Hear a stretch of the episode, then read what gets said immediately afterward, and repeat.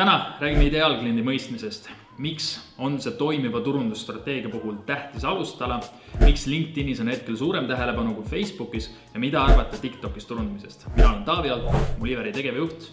alustame tänase digiturunduse mõttekoda podcast'iga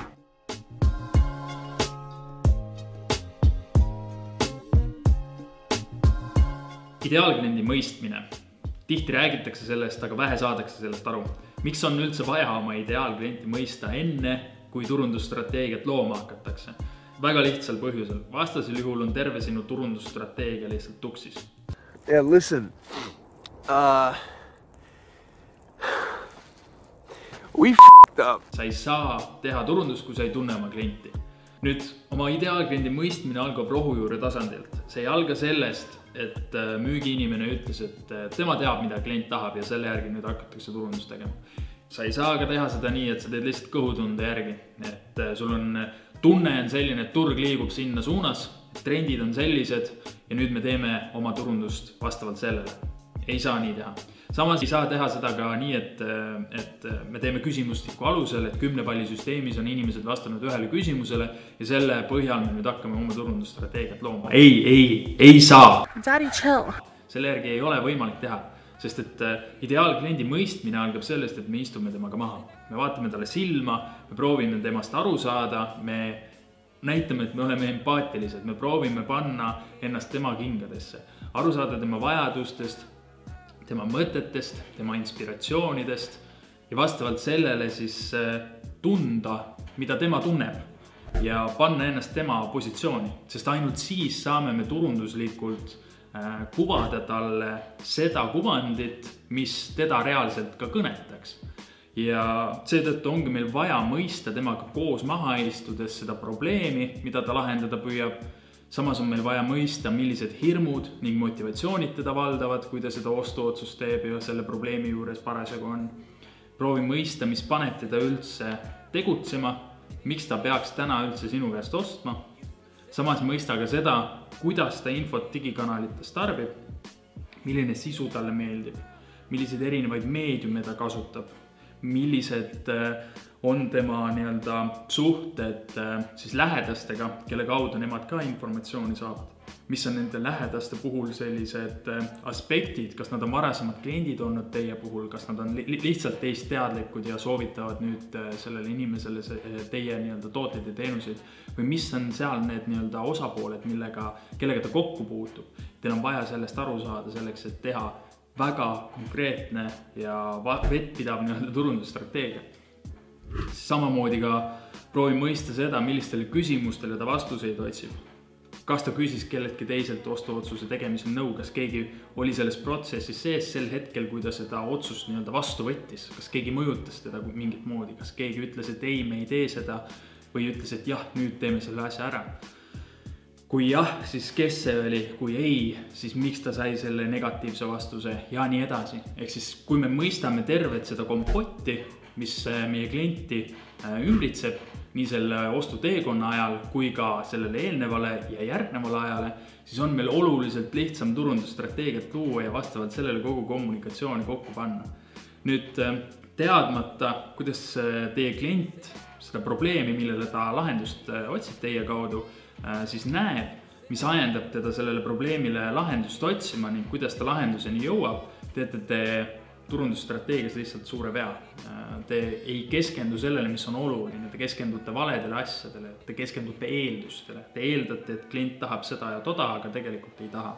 nii et minu soovitus on see, et keskenduge sellele reaalsele probleemi lahendamisele, mõistke oma klienti, istuge maha, võtke see aeg ja rääkige temaga, vaja, minge tema juurde koju, rääkige kodus nendest asjadest, näidake, las nad näitavad teile, kuidas ta teie toodet või teenust kasutab.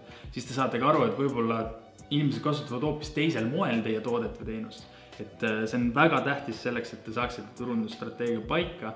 Ja samamoodi aitab see siis lahti mõtestada seda ideaalklienti ja, ja aru saada, et mis teda tegutsema suunab ja kuidas ta üldse seda toodet kasutab nii et äh, ideaalkliendile rõhuv turundusstrateegia on äh, pikaajalise toimega ning selle tulemuslikkus on lihtsalt jätkusuutlikum. inimesed hakkavad teist endist ka rohkem rääkima, kui te pakute turundusega neile juba ütleme, kui te soojendate inimesed turundusega juba üles ja kui ta teie toodet või teenust kasutab ja on äh, väga rahul ja järelteenindusega ka rahul, siis mida muud neil rohkem nagu teha on, kui teid soovitada edasi ja seekaudu teie klientuur ka jällegi kasvab, nii et äh, mõelge selle peale ja proovige siis äh, saada oma ideaalkliendiga laua taha ja arutada temaga sel teemal. miks LinkedInis on hetkel suurem tähelepanu kui Facebookis?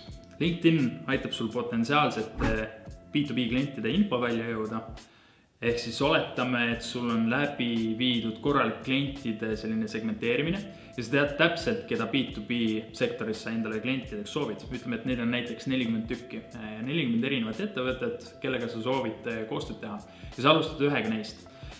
esiteks sa proovid nende töötajate info välja jõuda, ehk siis nende töötajate info välja, kes selles ettevõttes töötavad. esimese punktina lisad nad kontaktiks see juba tekitab teadlikkust. teiseks, lisad nende postitusi meeldivaks, ehk seekaudu jällegi inimestel tuleb teavitus, et sina lisasid näiteks Marko äh, postituse meeldivaks ja seekaudu äh, tekib ka nii-öelda suurem teadlikkus sinu kui äh, teenusepakkuja või tootepakkuja kohta. kolmandaks, lood diskussiooni nende postituste all, ehk siis siis kasvab juba reaalne mindshare, tekib reaalne kontakt selle inimesega, te vahetate mõtteid ja see nii-öelda suhtlus muutub sügavamõtteliseks kui lihtsalt pealiskaudne kontaktikutse saatmine. neljandaks, postitad enda profiilile, et nende uudisvoos esile tulla ja oma mõtteid presenteerida neile. viiendaks, kirjutad neile DM-i ehk siis äh, message'i LinkedInis ja arutled nendega, millised on nende praegused probleemid, mida nad praegu lahendada proovivad ähm, võib-olla räägite lihtsalt üleüldiselt, kuidas, kuidas hetkel ärimaailmas asjad toimuvad, ehk siis proovite luua seda rapoori selle inimesega. ja LinkedIn saadab selliste tegevuste kohta kasutajatele alati teavituse. Neil on see teavitus olemas selle kohta, et sa oled kuidagimoodi nendega interakteerunud.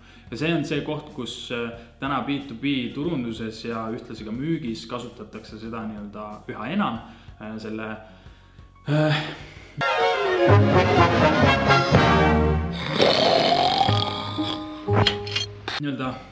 kasulikkus võib viia selleni, et seda hakatakse üle kasutama ja seetõttu muutub see ühel hetkel väga selliseks agressiivseks äh, meetodiks, kuidas inimestega suhelda. aga täna, kui seda teha mõistlikus koguses ja väga konkreetsele sihtrühmale, äh, kellega sa tahad ja kellega teil on nagu võimalus äh, koostööd teha, siis see lahendus nagu toimib ja LinkedIni kasutatavuse nii-öelda või jah, aktiivsus, ütleme siis nii, on äh, oluliselt väiksem kui mujal.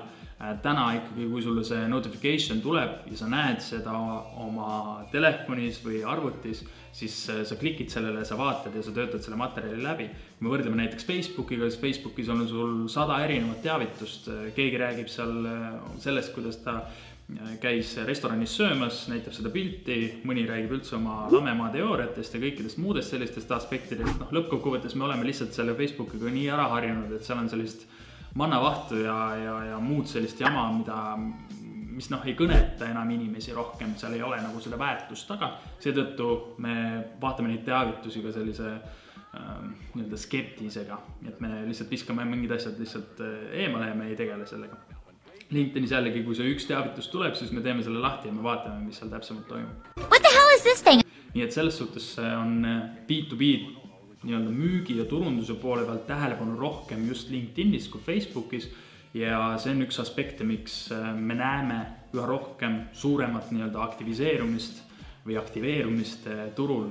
ehk LinkedIni kaudu proovitakse rohkem turundust ja müüki teha nii siis Eesti koduturul kui ka siis välismaal turundamine Tiktokis, kuidas seda vaadelda, mis seisukoht Tiktoki turundusele võtta?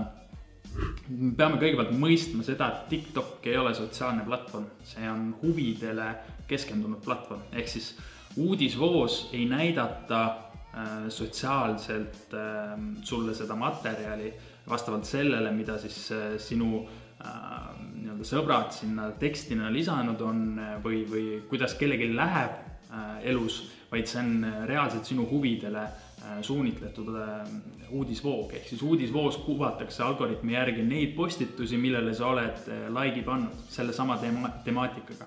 ehk siis minu uudisvoog on totaalselt erinev sellest, mida teie oma uudisvoos näete. ja kolmanda inimese puhul on see täiesti totaalselt erinev sellest, mida meie kahe peale kokku näeme. nii et äh, me peame mõistma seda, et TikTok võtab arvesse just seda äh, nii-öelda huvi äh, ehk selle järgi, mida sa oled ajalooliselt siis äh, vaadanud ja millele sa oled omalt poolt ka reageerinud.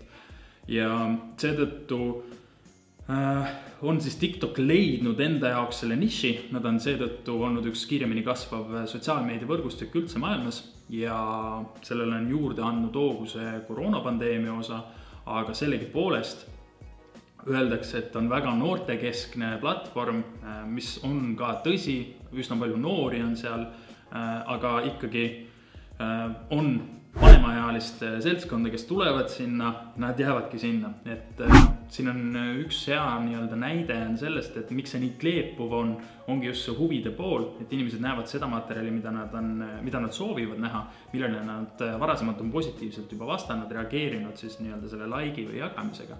ja seetõttu äh, on TikTok sotsiaalmeediavõrgustikuna kleepuvam kui mõni teine äh, platvorm aga hea statistika selle kohta on see, et USA-s moodustab nelikümmend seitse protsenti Tiktoki kasutajatest kümne kuni kahekümne üheksa aastased.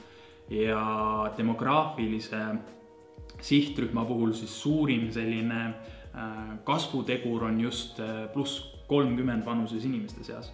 ehk siis seal nähakse seda suuremat kasvu edaspidi ka ja see on igakuiselt äh, nüüd selline jätkuv trend olnud. Äh, ja kui te toote selle nüüd üle nii-öelda Eesti konteksti, siis äh, mina isiklikult olen sedasama aspekti näinud, ehk siis üha vanem seltskond hakkab seda TikTok'i kasutama. ja see avab meile kui siis B2B või B2C turundajatena ka suurema võimaluse näidata ja kuvada oma ekspertiisi seal TikTok'is et mõned ettevõtted seda juba täna teevad väga edukalt, on teinud nii kodu kui ka välisturul aga me näeme üha enam seda, et see Tiktoki kasutatavus läheb, läheb kõrgemaks, läheb suuremaks ja ettevõtted, kes suudavad ennast positsioneerida sinna Tiktoki ja luua seda sisu, mis inimestele huvi tekitaks, mis inimesi like ima paneb. Can you believe it? I got a hundred likes. ja, ja, ja mis tekitab seda efekti, et teie ettevõte tuleks ka hiljem selle inimese uudisvoogu ja selles uudisvoos esile et siis need ettevõtted tegelikult ka täna äh, on väga hea sellise beti teinud ja selle kaudu äh, on oodata, et neil äh, võib nagu väga hästi minema hakata. sest TikTokis, olgem ausad, on võrdlemisi raske luua sellist sisu, mis inimestele korda läheb ja kui sa oled suutnud selle efekti ära tabada, siis see on paljude ettevõtete või brändide jaoks selline suur mm, konkurentsieelis, moat, ütleme nii. et kui sa tabad selle efekti ära, siis järgnevate aastate jooksul, kui TikTok jääb nii-öelda kleepuvaks äh, sotsiaalmeediavõrgustikuks ja inimesed kasutavad seda äh, tulevikus üha rohkem, siis äh, on see väga suur selline konkurentsieelis nendele ettevõtetele, kes selle täna nagu enda jaoks korda saavad ja, ja enda jaoks toimima, toimima panevad. aga võtame tänase podcast'i kokku. esiteks, mõista oma ideaalklienti. kui hakkad turundusstrateegiat looma, siis istu oma ideaalkliendiga maha, vaata talle silma, küsi temalt küsimusi, proovi empaatiliselt läheneda talle proovi mõista tema praegust situatsiooni ja seda, kuhu ta välja jõuda soovib. päriselt ka, kasuta oma empaatiavõimet.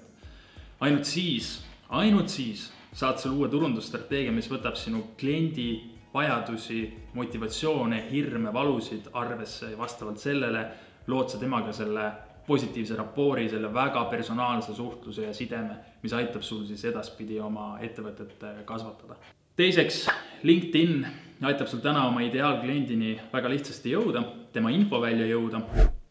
kasvõi lihtsa kontaktikutse saatmine on äh, väga suur selline kasutegur täna äh, LinkedInis. küll aga mõtle alati samm ette, proovi olla sammuke ees, sest et äh, mida rohkem LinkedIni poole pealt kasutama hakatakse, seda rohkem neid lihtsamaid vilju või, või madalamal rippuvaid vilju ära nopitakse ja seetõttu ei pruugi sina kui samasuguse nii-öelda tegevuse teostaja, äh, sealt sellist kasutegurit enam leida kui äh, varasemalt, nii et proovi alati teistest sammuke ees olla ja mõtle sellele, mida inimesed tahavad, kuidas inimesed tahavad sinuga suhelda LinkedInis. kolmandaks, TikTok ei ole sotsiaalsele aspektile üles ehitatud platvorm, vaid inimeste huvidele. ehk TikTokis turundamiseks on vaja selgelt mõista selle kanali eripära ning luua seda sisu, mis sealset sihtrühma kõnetaks ja teda reageerima sunniks see on tänaseks kõik, turundajad, loodan, et äh, oli sellest podcast'ist täna teile mingit kasu. kui teil tekkis mingeid mõtteid, siis jagage neid kommentaariumis või võtke minuga otseühendust LinkedInis. igatahes järgmine kord arutame jälle digiturunduse hingeelu, seniks aga võtke neid mõtteid kuulda, proovige, katsetage ja andke julgelt märku, kui te midagi huvitavat leiate. minu poolt kõik, aitäh teile, järgmise korrani, tšau. Full of know-how